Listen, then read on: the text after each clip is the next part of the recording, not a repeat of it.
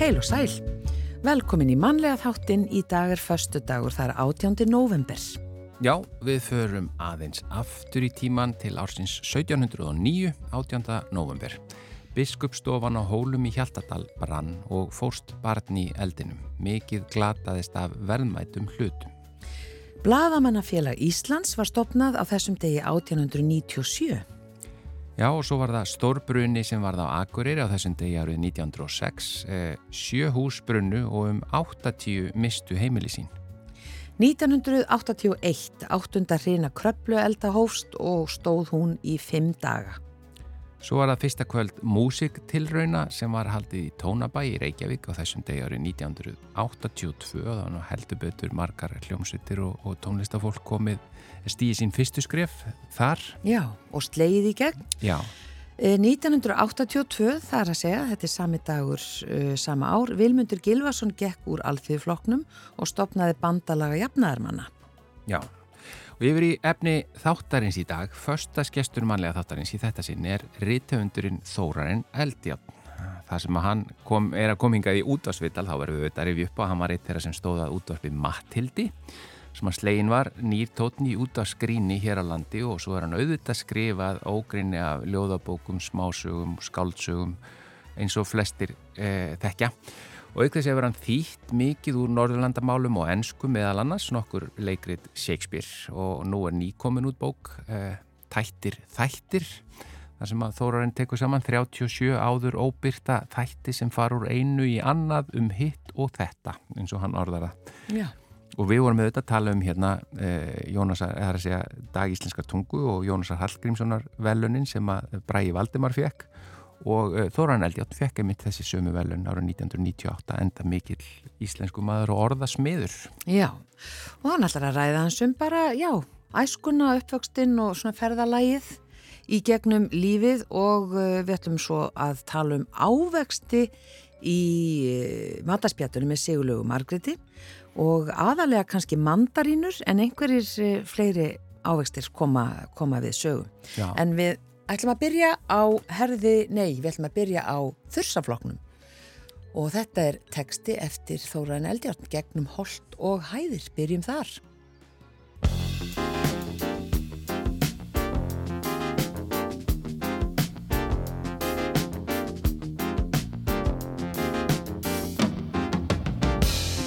Holt og Hæðir, við horfi ég og sé það sem var í þáttíð það sem á að ske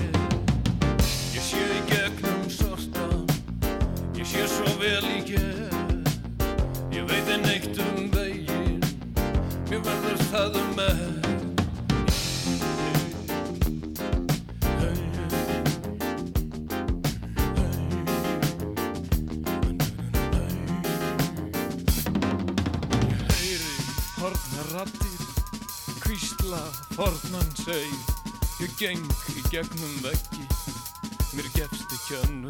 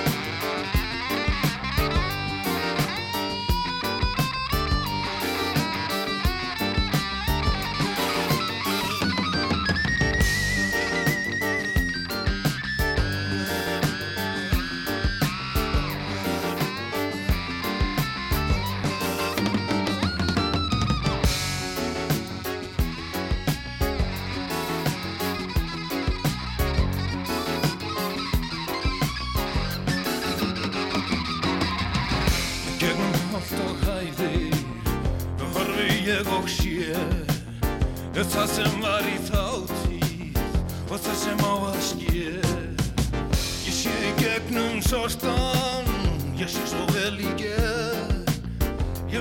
neitt um veginn Mér verður það með. Að eiga svör við öllu En ekki neina spur Að eiga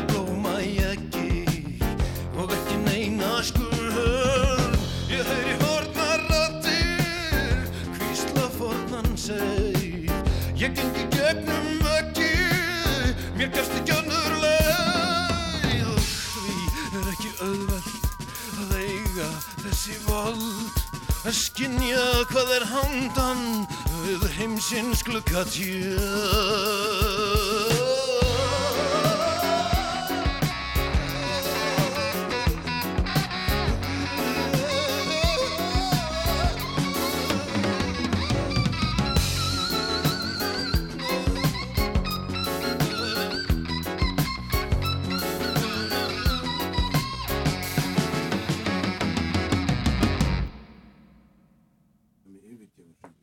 kláraðist lægið bara snögglega. Við erum hér með textahöfund lagsins. Já, var með mitt að ræða Það var að aðeins um- útskýra fyrir okkur hvernig, hvernig þetta lag var til í, í söngleiknum Gretti.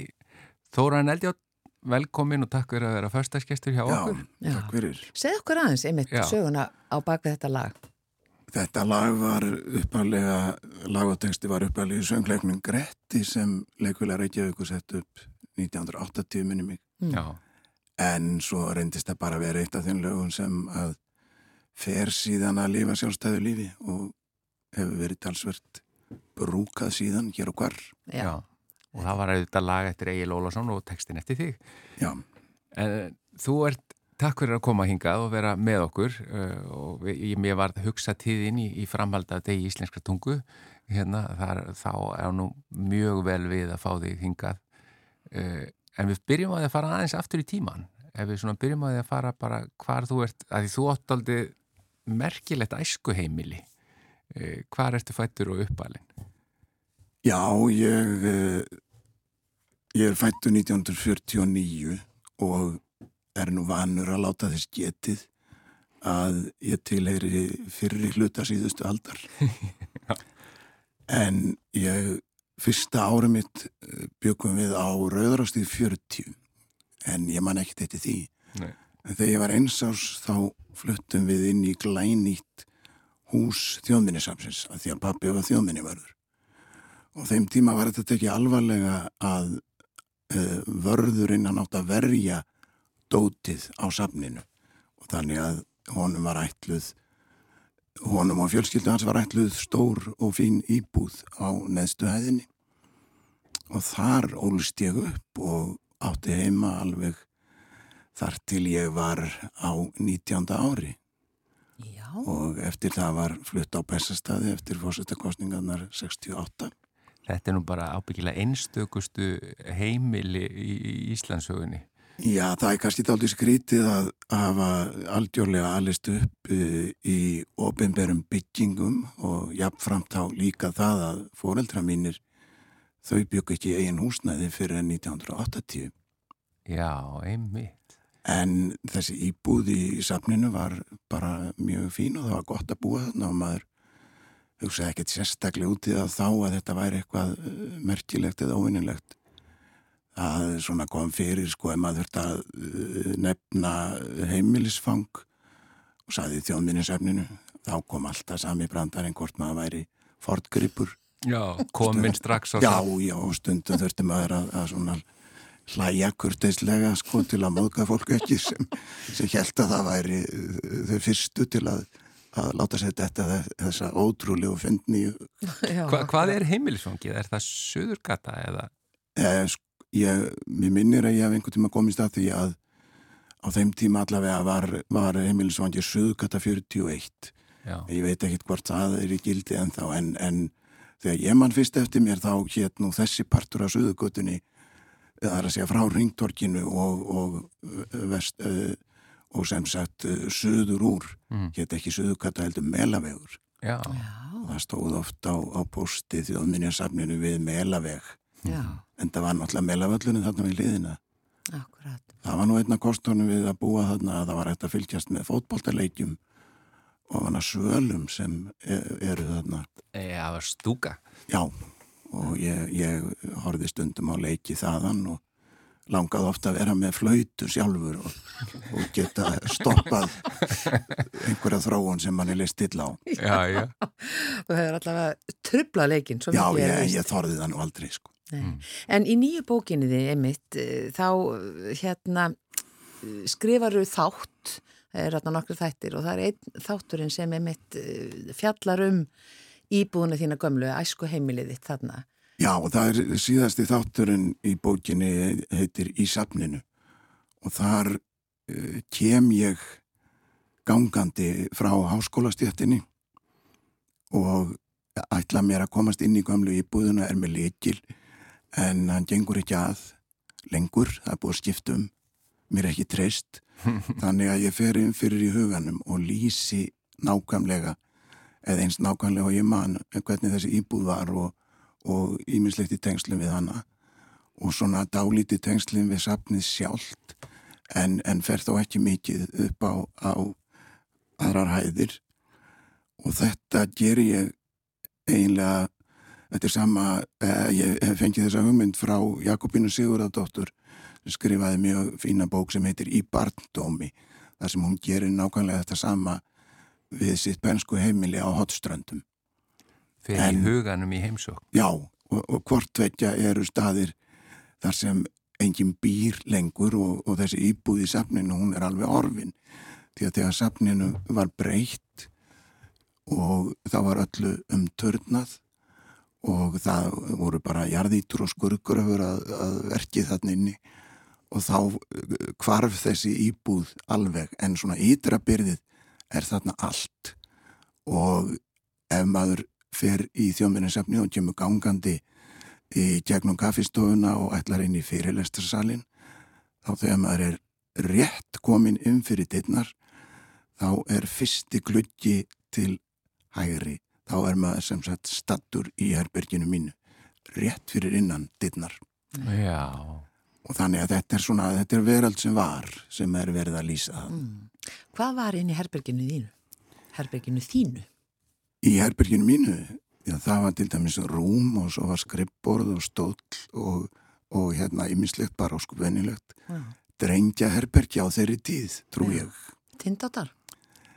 Já, já, það er plastátar líklega. Það, það var kona sem bjóð hinn með við göttuna sem framleiti tindáta og hún gaf okkur stundum e, dáta sem maður reyndar átt eftir að mála gott maður að mála það sjálfur. Já. Þannig að það var, jú, jú, það var náðu þeim. En hvað var, varstu, ég minna, varstu með plakut af tónlistafólki eða, eða knaspinu-fólki eða hvað, hvað hafður þú áhuga á e, og hvað gerður þú brallaður þér til dagrati stýtingar? Ég, það var nú bara þetta, þetta venjulega sem, sem allir fengust við en það var nú ekki, ég var nú ekki mikið í íþróttum eða, eða fótbolt eða slíku. Og þetta er nú reyndar um, meðan ég er mjög ungur þá, þá var ekkert mikið um það að það væri verið að hengja upp myndir af tónlistamönnum eða íþróttamönnum eða eitthvað slíku. Þannig að það, það er nú eitthvað sem hefur meira komið til setna held ég. Já. En svona var eitthvað á safninu sem svona var kannski þitt indi eða þú hafðir eh, mikið indi af eða skoðaðir oft eða svona átturu svona eitthvað uppáhald þarna inni? Já, já, bara eins og öll önnur börn þá var það fyrst og fremst vaksmyndasafnið sem vakti aðtegli og ég hef nú reynd að skrifa sögu sem heitir vaksmyndasafnið og eða eins og vaks heitir hún og það er í raun og veru bara saga þessa merka vaksmyndasafs sem var þarna upp á efstu hæð og var nú eiginlega bara svona gestur sem að var tróðið upp á safnið. Og svo var enda líka á þeirri tíð þá var listasafn Íslands eða listasafn Ríkisins eins og það hétt það var þarna á efstuhæðin líka og ég man að ég horfi, gekk þar mjög mikið um og, og horfi á málverk. En svo var það auðvitað niður í safninu sjálfu það voru auðvitað beinagrindur og ímislegt í, í, í, í þeim stíl sem að var svona það sem var mest spennandi. Já. Gerður þetta mikið að bara rölda Já, já, já, við sískinu vorum mikið á ferlið þannig um safnið og meðal annars vegna þess að það voru gæslu konur sem sátu yfir, þetta voru svona eldri konur, gamlar konur, sennilega samt allar miklu yngre en ég er núna, en það var, margar þeirra urðu mjög góði vinnir okkur og sögðu okkur sögur og, og svona dróðu fram kannski uh, Bismarck brjósikur í boka og gá okkur. Já, já. Nei, þetta var góðu staðar að alast upp á. Já, akkurát og þið hefði ekkert verið hrætt við einhverja kompur þarna. Nei, það var nú ekki, sko, það var reyndar uh, eitt af svona uh, kvöldverkum fjölskyldunar, það var að ganga upp að uh, aðal útidýrunum og læsa þeim innanfrá betur heldur en bara með þeim smekklás sem var mm. og stundum þegar foreldra mín voru ekki heima sko þá þurftum við að gera þetta og ég hafði það nú fyrir síð að, að ganga eins rólega og hægt og mér var mögulegt til þess að, að vera ekki gripin af panik ef ég lendi þessu að þurfa, þurfa að læsa En þetta var nefnilega löngu fyrir daga alls sem heitir Securitas eða eitthvað svoleiðis. Það þótti bara nóg að það væri eitthvað fólk sem ætti heima þarna. Mér, mér hefði nefnilega alveg dött í huga að þetta væri svolítið draugalegt, sérstaklega þegar það fara að myrkra og ef maður er, er ekki, ekki það gamal. Jú, það væri sjálfsagt draugalegt að vera inni í fornaldadeildinni þar sem voru svona kuml sem búið var að raða upp með, með uh, skupum og beinum. Já. en einhvern veginn samt held ég sko að maður hefur bara vanist því og alist upp eða þá sé það nú ekki eitthvað sem er, er svona verulegra vandræða. Nei, nei. Akkurat. E, Þú segist ekki að hafa verið mikið hvað það eru fyrir fótbolta eða eitthvað slíkt? E, en í dag þá hleypur mikið? Já, ég kannski hleyp ekki mikið en ég eh, ef áratugun saman stundar hlaup og af þessu hlaup ég aldrei meira en svona upp undir 10 kilometra nema ég hafði fyrir síð í, í 20 árið að meira að hlaupa alltaf hálfmarathon einu sinna ári, þá gerði ég það bara fyrir egoið. Mm. og svo hef ég alltaf haldið þessu við þannig að ég get alltaf vandræðalust hlaupið tíu kilómetra hvenna sem þetta er í hug. Já. en ég leip ekki lengur þrísvar í viku eins og ég gerði meðan ég var á hétt Þetta hálfmarathon, var það þá á Reykjavíkur marathon? Já, það var já. alltaf á Reykjavíkur marathon. Já, já, já Já, sko, við ætlum að taka eitt lag núna, annað lag þar að segja með texta eftir þig eh, og svo ætlum við að halda áfram, þá förum við að uh, mjaka okkur inn í rítuhundaferilinn hvenar þú byrjar að skrifa og annað slíkt. Þetta er lagi Nablaskoðun með Ragnæði Gröndal. Eitthvað sem þú vilt segja okkur um það? Þetta er úr eh, einni af barnabókunum sem við höfum gefið út. Já, og lagið eftir Jóhann Helgason. En svo höldum við áfram með Þóran Eldjátt, förstaskjæst.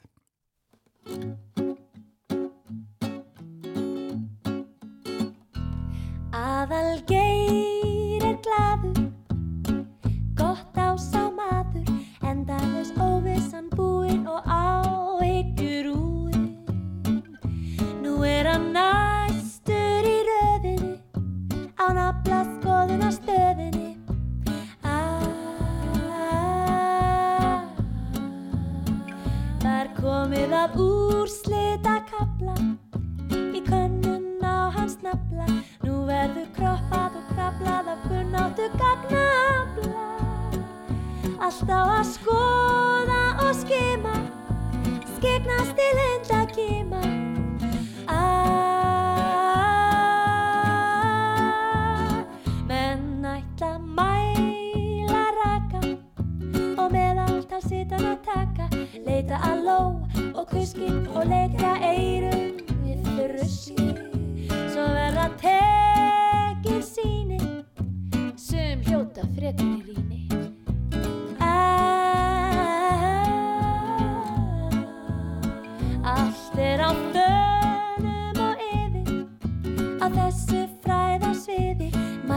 Plön mikil mun vera að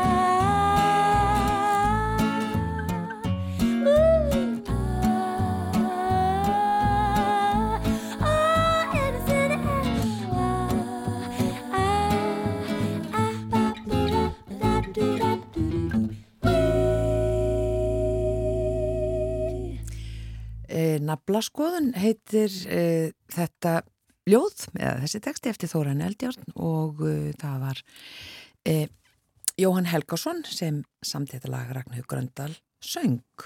Já, og hann er hér einmitt, textahöfundurinn, Þóran Eldjárn, förstaskestur. Við vorum aðeins að, að bara þetta sérstaka æsku heimili, þjóðmjörnarsafnið og svo þetta fórstu á bestastæði. En hvenar byrjaru að, að skrifa? Hvenar kemur sá áhugi upp hjá þér? Það var nú bara mjög snemma sem að ég fór að hafa áhuga á því að, að reyna að koma saman einhverjum kveðskap.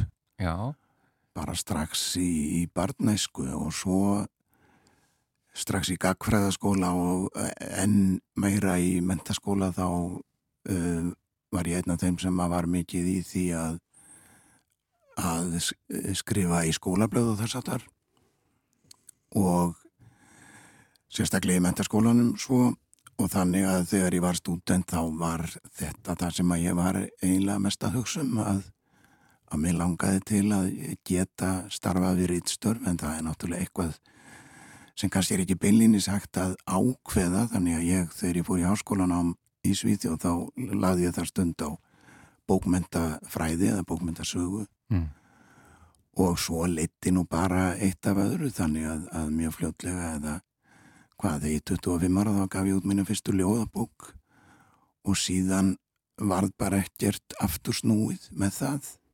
Smátt og smátt verði maður vanhæfur í öll önnu störf. Já. Hvað hérna sem betur fyrir fyrir okkur að þá helstu þau við það? En hvernig voru árin í Svíþjóð? Þú varst, varst þarna meira og minna segir allan áttunda áratíðin Já, ég kem uh, fórast út í Rælundi 1969 og svo eitt ár heima 72-73 þá er ég komin með fjölskyldu. Og svo eftir það fluttum við til Lundar og vorum þar í í eitt eða tvö ár og svo til Stokkólms þar sem við vorum síðan framundir 1980 og ég var ekkert að stútur eftir að við komum til Stokkólms en unnur kona mín fór þá í veðufræði, hafði lagt stund á eðlisfræði og starfræði í lundi til undibúnist þessu námi og það var engi veðufræði kjent í lundi en það er veðrið þar freka leðinlegt og við fluttum til Stokkólms og þar áttum við mjög góð ár Já. og eigum alltaf mikla taugar sérstaklega þangað. Já, eitthvað svona uppáhalds í Stokkólmi?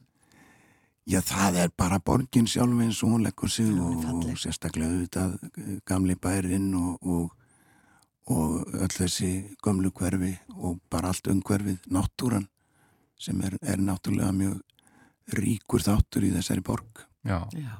Og ert þú á meðan hún er í náminu þar, ert þú þá að skrifa eða varstu ykkur að vinnu þar aðra eða?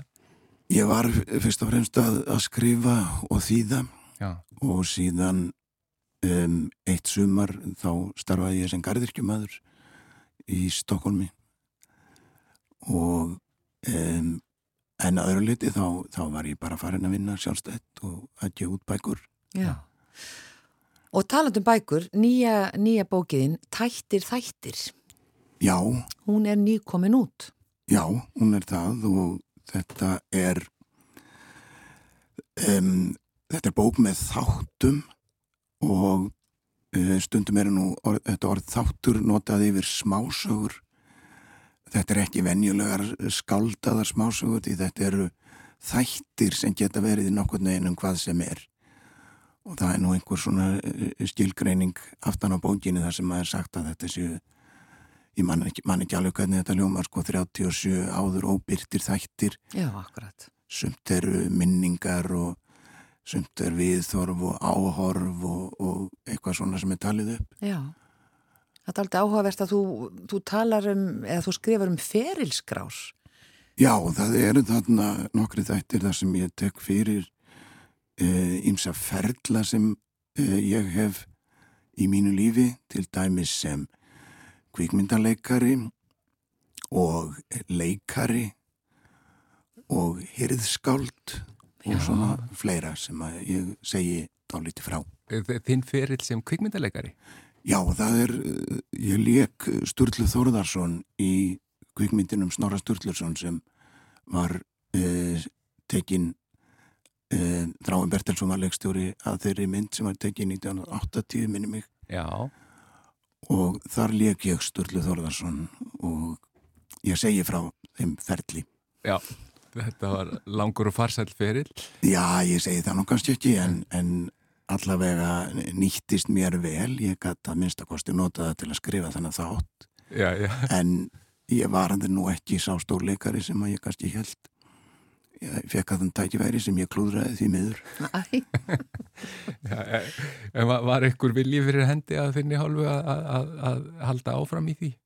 Nei, nei, ég, það var alls ekki en ég kannski vonaði að vilja einhver annara yrði fyrir hendi til að ég myndi gera eitthvað meira á þessu sviði. Já. en eftir þetta þá var ljósta svo yrði ekki. Já, og fleiri ferðlar hérna, þú segir hvað leikari síðan, ekki kvikmyndaleikari heldur bara leikari. Já, og það, það var nú bara ég, ég byrjaði snemma að leika í skólaleikritum og þess aftur og svo leittist það yfir í að leiki barnaleikritum í útvarpinu og barnaleikritum í þjóðleikúsinu og, og fullorinsleikritum líka. Það er svona ákveðin ferill Já. og ég fer svona í sauman á honum.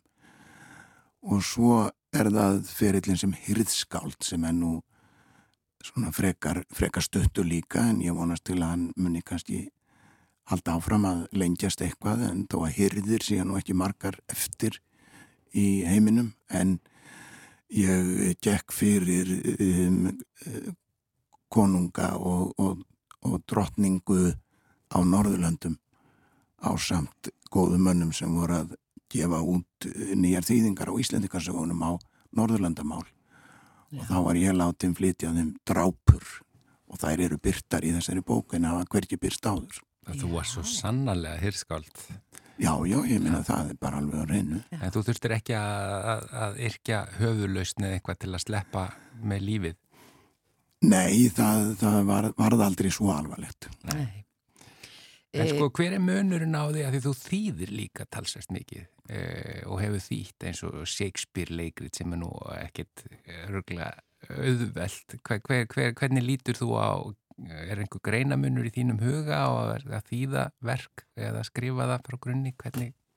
Jú, jú, það er auðvitað, sá er munurinn að í þýðingun er maður auðvitað bundin af frumtekstanum, maður getur ekki breytt hlutum eða bara gert hvað sem er. Já, já og þannig að það er á, á, á vissanátt þá gefur það svona um, einhverja festum að verður að fylgja því og þá verða vinnubröðun öðru vísi þar þetta ganga meiri verki bara svona á, á kjerfispundin hátt meðan aftur að ef maður er að skrifa dykta eitthvað upp sjálfur þá þarf maður náttúrulega fyrst og nýst að láta sér þetta eitthvað í hug.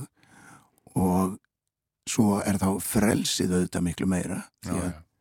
maður hefur þá frýtt spil og, og ekki við neittna sakast nema mann sjálfan hver útkoma verður mm. e, í, í bókininni nýju þá er ég meðal efnist nýtja draumar Já, það er fyrsti þátturinn í bókinni það er í raun bara lýsing á, á tveimur draumum sem mig hefur dreymt ég er nú ekki mikill draumamaður og þátturinn hefst reyndar á því að ég er að lýsa því yfir hvað ég öfunda mikið uh, þetta fólk sem dreymir stundum bara heilu smásögurnar með svona, vandaðri uppbyggingu og persónusköpun og, og upphafi og endi. Hjá mér er þetta alltaf eitthvað, eitthvað ruggl en þarna eru tveir draumar sem ég tókst að muna Já. og reyndust báðir vera um, með löstn á tilteknu vandamáli sem svona alveg konkrétt vandamál sem listist í þessum draumum og þess vegna kalla ég það nýtja drauma Já Það er að nýst þér í Já. þessu Góði draumar Já, já, og, og ný, nýtast vonandi öðrum Já, eftir að ég er búin að byrta þá.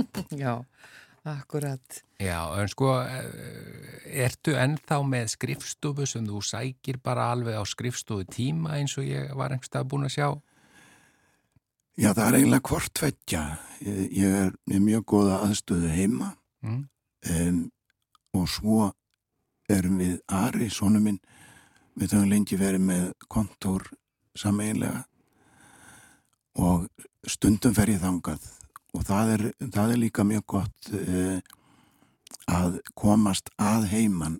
Og þá er, er það meira svona eins og maður sé að fara í vinnuna og eins hef ég líka gegnum árin notað mér uh, landsbókasafnið þjóðdeildina þar. Já, það er líka mjög gott að, að fara þangað og, og, og það, það er annað andrúnsloft en gott að komast að heiman en líka mjög gott að hafa fínaða stöðu þar. Þetta blandast svona sitt og hvað. Já.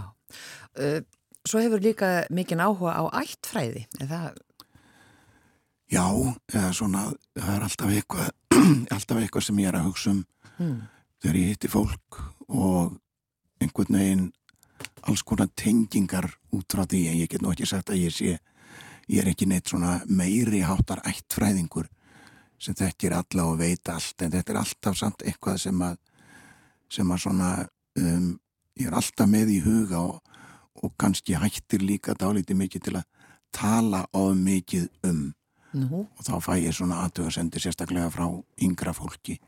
Já, börnunniðinu þá eða? Já, já, þetta, þetta er kalluð svona ákveðin della og, og svo maður er ofta að þylju upp eitthvað sem manni finnst rosalega merkilegt sko en þá bara horta á mann sko hvaða máli skiptir þetta hvað, af hverju að þessir tveir menn séu þremenningar hverjum er ekki sama?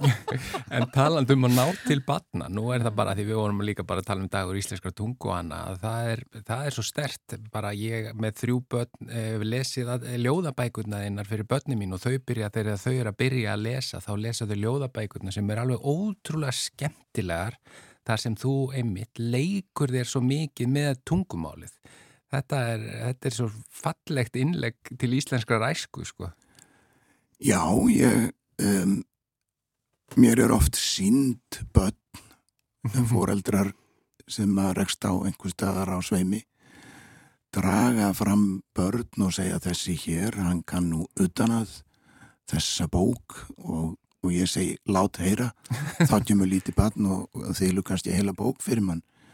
Og það finnst mér afskaplega ánægilegt líka sérstaklega vegna þess að það hefur alltaf gerst óvart eða það er þá bara allt í einu taka fóröldarinnir eftir að barni kann bókina utan að Já, og það er auðvitað það sem að eh, er styrkurinn í bundnu máli og í því er eitthvað sem höfðar alveg sérstaklega til barna sérstaklega rýmið Já. að það er bara ákveðin leikur það er búið að stilla upp orði og þá vita þau nokkurn veginn hvað kemur en það er samt óvænt og svo er auðvitað í hátbundna kveðskapnum það er auðvitað takturinn og hljómfallið Já.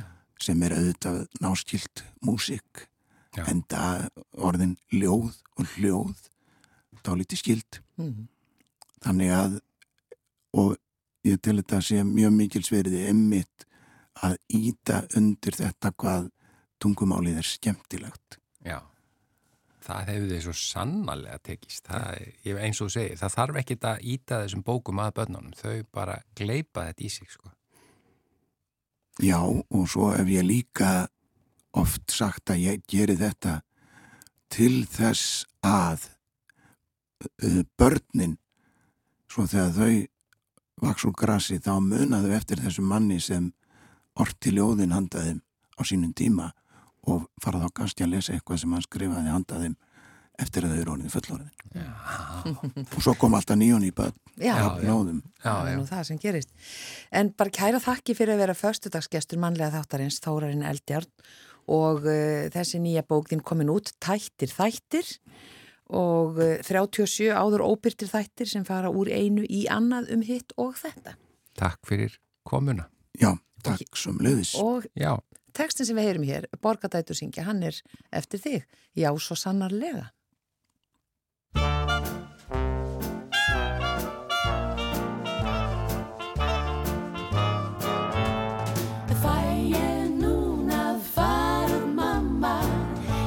Svo sannarlega. En má ég prófa að dansa og djama Já, svo sannarlega. Skýn Elsku mamma og það glitrar alla vega. Á ég samt að dans og djama Já, svo sannarlega. Ef hann býður mín Elsku mamma undir morgun Hvað skal gera? Elsku mamma, segðu svari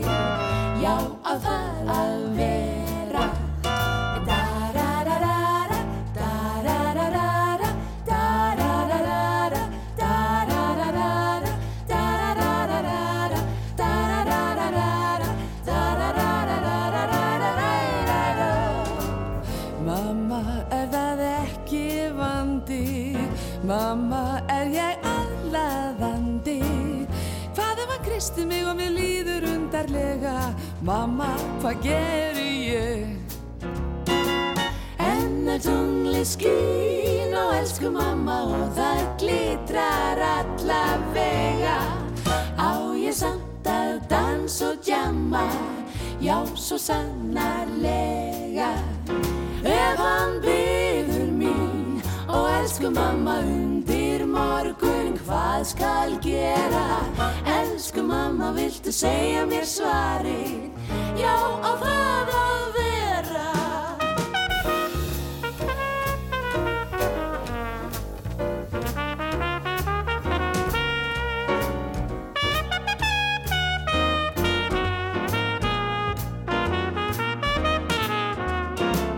Ó elsku mamma, hvað og kvíslar Vilt ekki koma með mér? Mamma mín, viltu segja svarið? Já, já, á það að vera.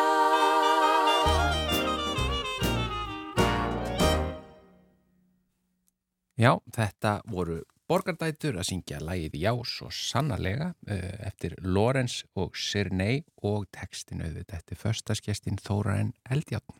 En nú er komið að þessu.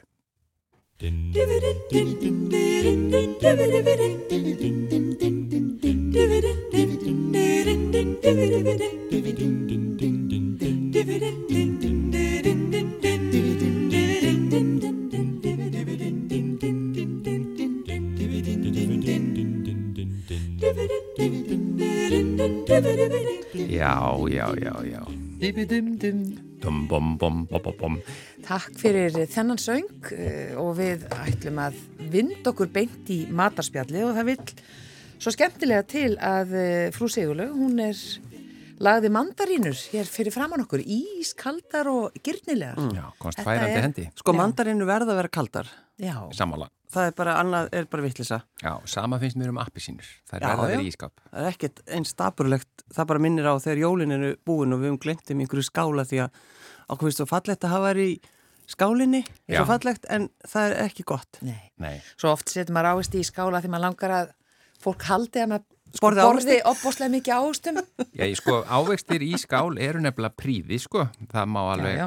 En, en það er sóun ef það er ekki borðaði líka. Já, já. En af hverju valdur mandarínu sem svona um, umfjöllunar efni í dag? Uh, að því að um daginn þá fekk ég uh, hérna rómuðu og frægu ostaköku frá MS. Mandarinu. Kemur hún bara fyrir jól eða? Nei, þetta er bara, þetta er, ég held sko að þetta sé fyrsta ostakakan sem þeir framleiða og það er, þú veist, það er náttúrulega ekkert sem minnir á mandarínu sko hlaupið en það er sama, þetta er mandarínu ostakaka. Já, Já, en svo eru margir sem að hérna, setja mandarinu sneiðar eða hérna báta og ná, ekki satt? Er ég, það, er, það, það getur ekki tala. þetta er góð hugmynd. Þetta er bara, ég er bara, mér er bara bregðu svo, þetta er svo góð hugmynd. Ertu, ég meina, ég er ekkert að finna upp á neinu. Nei, nei, ég veit það, ég veit það. En, er, en þannig að, og, og þessi, þetta er eitthvað, það er eitthvað við þetta, við þessa köku að borðana, af Mm. því þetta minnir mann á bara þegar maður smakkaði henni í fyrsta skipti og man, þetta var svo exotist, sko, svakalega exotist. Já, einmitt, sko, að því að, sko, mandarinur, við tengjum þetta náttúrulega bara meir og minna við jólatíman eða þennan ástíma. Bara, og núna eh, ég meina, hvað hefur þetta verið? Því ég þetta var ekki þegar ég var ungur, þá... Jú, jú, jú. Nei, ég er, ég er að meina, sko, að þeirra koma bara kassarnir alveg núna sem eru ekkert svo dýrir eða neitt, Nei, sko, nei. meða við magnið. Nei, ég veit það. Var ekki meira í svona litlum netum og eitthvað svona í Jú, gamla dag? jú, jú, jú, eða í lausu. Og í lausu. Já. Já. En sko, það er að- yfirleitt þannig að maður borðar svo mikið af þessum mandarinum á þessum tíma, það eins og við séum að bara, þú veist, við erum bara undirbúið okkur fyrir veturinn, Já, Já. það sé en vitamini. samt er sko, það er alveg talað um það að, að um, þú veist, við höfum kannski ekki að borða, þú veist, 10-20 stykki. Í einu? Nei, þú veist, bara yfir daginn, það er oft talað um, þú veist, la, eh, hérna, það mælt með kannski, þú veist, þrjár til fjórar mandarínur. Mér finnst það samt svo lítið því að þetta er bara, Þetta hverfur, sko. þetta hverfur, Já. en, en það er alltaf talað um, þú veist, það er allt gott í hófi, sem er náttúrulega rosa leðileg setning. Já, Já, í sérstaklega á þessu leiti. Já, já, En sko, hver er munurinn á mandarínu og klementínu? já, akkurat. Þú kemur nú ekki að tómum kofunum með þetta. Sko, Ég í hug. sko, uh, það er í rauninni rosa lítill munur nema að uh, klementínunar, þær eru með þinri börg Mm? og mandarínunar eru með hennan þykka, þú veist, það er ekkert mál að taka utan af, Mandarínu. af mandaríninni. En fyrir mér, mér finnst þetta að vera, sko, ég var eitthvað, var eitthvað skoðið í gerðum, ég, ég bara, mér fannst þetta bara, ég var eiginlega bara að hálf rugglu, því mér finnst þetta, sko, finnst þetta vera eins og maður, en maður notar bara pæla í, sko, berginum. já. Já. En stundum finnst mér, eða sko mér finnst mandarinur eða klementínur Mm. e, svona þægilegasta þegar það eru ekki þessi steinar í. Er Já. það mögulega fleiri steinar í klementínum? Nei, sko, klementínunar, þær eru steinlaust afbríði af mandarinninni. Ó, það er Ó, öf. þarna Já. ertu komin með. Já. Já, Já, já, já. þannig að og, og, manda, og sko, og svo er líka eh, þú veist, hvenar uppgötuðu við að mandarinu verið til til dæmis Já. Hvernig voru það fundnar upp? hvenar, hver, hver fann þær upp sko. Já. en semst, ef við bara skoðum klementínunar þá eru þær semst, mandarínu tegund, þetta er rosa flókið Mm. en mandarínunar reykja uppruna sinn til Kína, auðvitað mandarín Mm. og vaksa á trjánum og nafnið er dreigið af þeim klæðnaði sem starfsfólk við dómstólana í Kína gekk í á sínum tíma. Og maður hugsar, hver vil láta minna sig á dómstólana í Kína? Já. Dómstóla ávöxturinn. Eh, Dóm, já, og svo uh, árið 1900 þá Mm. var einhver uh, Sierra Clement, Pierre Clement, hann hérna sem sagt, eh, ræktaði nýja sort af mandarínum þannig að, og þá voru þær, voru þær auðvitað skýrðar klementínur Í höfuð á, já. höfuð á, á Sierra, Sierra Clement Já, Þetta þannig þetta er sem sagt og, á þá lítist, sko, já, já, pælingin hjá honum prestinum, það var að hann vildi sko ræktategund sem inniheld, uh, inniheld ekki eins mikið af kjörnum eins og mandarínunan gerir Já. Þannig að hann tók... Við, ég já, bara þakka honum kærlega Já, fyrir ég, það. ég þakka nú líka kærlega fyrir það sko Já, hann er potið En á þetta ekkert skilt við appelsínur. Nei, Þetta er ekki sem sagt misefnaðar appelsínur Jú, þetta eru sem urðu að appelsínur mm. Sko, ég, Fólk verið afsaka bara að við erum bara að að hámi okkur mandarínu. já, Já, þetta er betra eh, síðast þegar ég leiði ykkur að smakka þá voru það fiskibólur í dós og svo síðast kókusbólur Já. já, það var best. Kókusbólur er bestar Já, já. Nei, mér ást fiskibólutna bestar. Já, en sko talandi um sko sítrus ávexti og svo leiðis, Mm. e, hérna, því ég er hrifnastur af þessum, það er bæði mandarinur og appisínur, það, þær verða að vera svolítið velsúrar, sko, Já, og, og náttúrulega auðvita, hérna, safaríkar, e, en, en þær verða að vera kaldar. já, Já. þetta er bara, þetta er bara líkiladriði En svo er líka hægt að kaupa mandarínur í dós Já, já niður svona. niðursónar. Ein, Niður sorna, niður sorna sko En eru þær í einhverjum svona sætum vögum? eða? Ég, ég Já, hef já. bara, sírópi og... ég, þið, fyrirgeðu, ég hef aldrei kift þess, þessa ég ég held að ég hef einu sinni keft Já. þetta. Ég minn, þetta er sniðugt í bara já. eða, ofan á ostakökuna. ofan á ostakökuna Já, um. já, Þetta komið ostakökan ostakök, einmitt, ostakakan með þessum á. Já, Já, en ef við förum aðeins út í beiskleikan, já, greip.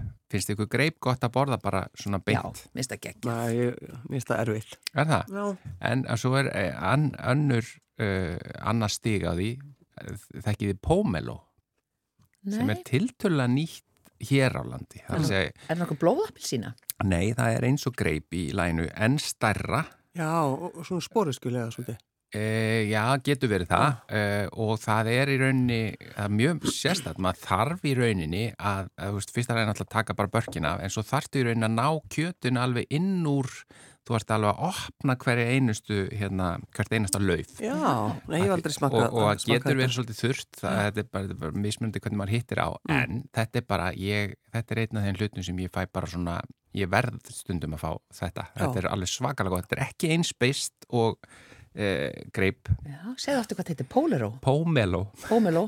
Pómeló. pomelo. Og svo er líka hægt sko að eh, setja náttúrulega það sem að, veist, ilmur og jólum, það er bara alltaf, veist, við erum svona farin að hugsa um það núna. Já. En það bara er að koma jól á Já. morgun, það er 18. november. Einu. Það er ekkert sko betra heldur en að taka eina og setja uh, negulnaglana í. er út af hverju, er það Það er lykt? lyktin. Það kemur svo góð Það lykt, kemur svo góð lykt. Svo er þetta svo fallegt ef maður er alveg rosa klár og getur búið til svona eitthvað munstur. Já, Ég set negurnaglan alltaf í appelsínur. Já, eða það. Já, það kemur svona meiri, meiri svona ilmur en það er hægt að setja í mandarínu líka. Og svo er hægt að, að það er hægt að uh, búið til eftirrétt um mandarinum, það er hægt að bara skera það niður í, í svona, uh, svona sneiðar og hella yfir það uh, einhverju líkjör til dæmis Já, og rjóma. og rjóma já sem dæmi.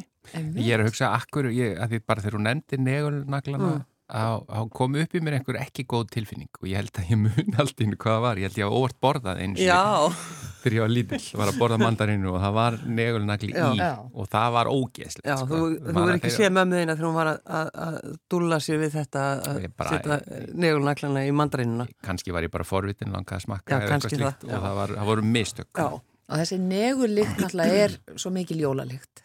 já, Hún já, tilheyri svo mörgu, purusteikinni og, já, já. Og svona ymsu. Og svo mjög gott ef við erum með bara uh, andabringur eða eitthvað svo leiðis að, að steikja mandarínur í uh, smjöri og bera þær fram með, þú veist að þegar maður gerir alltaf með appelsínum, Já, þá er bara einmitt núna því að mandarínunar eru svo góðar. Já, Þá er það bara mjög, mjög uh, sko gott. já. Steikið í smjöri og setja þetta ofan á andabringuna. Eða bara kjúkling. svona appisín- appisínur og, og hérna mandarinur þá, mm. svona sítrus eitthvað, er það að því maður einmitt, maður tengir það við önd uh, en er það, þetta er ekkit rosa mikið notað annars í bara matseldi eða Já, í, í kjúkling. í kjúklinga, Já. já, svona fugglakjúk Kjúklagjöt. Ég, ég, ég sé ekki nautasteikina með litlu mandarínu sneiðunum ofan á. Velti fyrir mér hvort það sé gott sann Aldrei vita, getum prófað það einhvern tíman.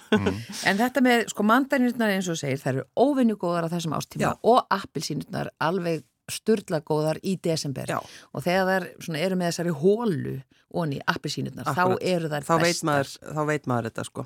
með, með hólu í. kemur svona hóla onni þær áður en eða á bara þessum góða tíma þegar þær smakkast sem best og eru bara Já. sem. Ferskast þar, já, já. Fáum við ekki flestar appilsínur, hvað eru þær innfluttar? Ísrael? Já, Alltaf sé ekki uppskjöru tíminn bara eða eitthvað. geti, það er eitthvað, eitthvað þannig. Ekki hugmyndum, ég bara segi svona út í ég er ennþá að velta fyrir mér þessar hólu ég er bara, Já. er, er, Já, er það er svona hóla onni appilsínni, á öðrum endanum Já, Já. e- það er svona djúf, það er svolítið svona eins og sé búið að grafa hólu og setja Já. svona einhvern svona lítinn kjarn á henni. já, Þá veit svona svo að það, tröppur, svona litla tröppur eða eitthvað. er, við erum rosalega góðið að skýra þetta út en, en þetta, þú finnur út úr þessu. já. Eitthvað meira sem vilt segja okkur? Nei, ég bara, ég bara legg til að við borðum mandarínur þessa helgina og þó að landlæknisembættið eða einhverjir, þú veist, einhverjir svona heilsugúru að segja við erum ekki að borða 20 10-20 á dag. Já, Ég veit ekki, það er kannski allt í lagi bara rétt á þessu tíma Já, Já, er það ekki? C-vitamin, það skólast út úr líkamannum. Sko, Já, ég, ég líka skuttla hérna pómiló í pottin. Ég, Já. það er rosa, nema já, kannski, þá eru að fara allir að kaupa það og þá verður ekki eftir Já. fyrir mig. Já. Þetta var. Já, en, en svo líka, aftur eh, hendi ég, ég man ekki hvort ég var nefnda hérna, bara uppáhalds eftirréttur minn, eða þú veist, svona nasla á kvöldin. Mm. Það er bara vimber já, í fristi. Já, er Taka svo, bara frosinn vimber. Þau Ertu eru enn- sjúklega góð. Ertu ennþá að borða þetta? Já, ef að vimburinn eru góð, það er að segja bræðmikil og góð, þá bara, ég er ennþá þannig að þegar ég set upp um í svona frosið vimbir, þá hugsa ég bara, hvernig getur nokkuð verið svona gott? Þetta En er bara- bætur þú þá ekki við, ert þá ekki með líka uh, dögt súkulaði og, og hérna, og grabba? Ekki, Ekki það, er ekki þannig? Nei, Ó, nei, nei, þú mátt alveg gera allt þú vilt með, vilt ekki setja áfengi á allt. Sigurlega Margrét. þetta er bara mjög frægur réttur. Já, hvað heitir hann? uh, frosin, frosin vínber með súkulega og grappa Já, já, einmitt, skemmtilega nafni. Er skemmtilega, en það er talað um sko, embati landlæknis, semst þeir eru alltaf hveti okkur til að borða græmmynda águsti og hæfilegt magn er um 500 gram að dag Af mandarinum. Águstum og uh, græmyndi. Hálft kíló. Hálf kíló. Já. Já. Hann út talsvert. Eh, Sigurlu Margrét, það er komið að lokum þessara viku hjá okkur, já, tekur út og með svo fullan munna mandarinu. Viltu gjöra svo vel að kveðja hlustendur okkar? Kæru hlustundur, góðar stundir.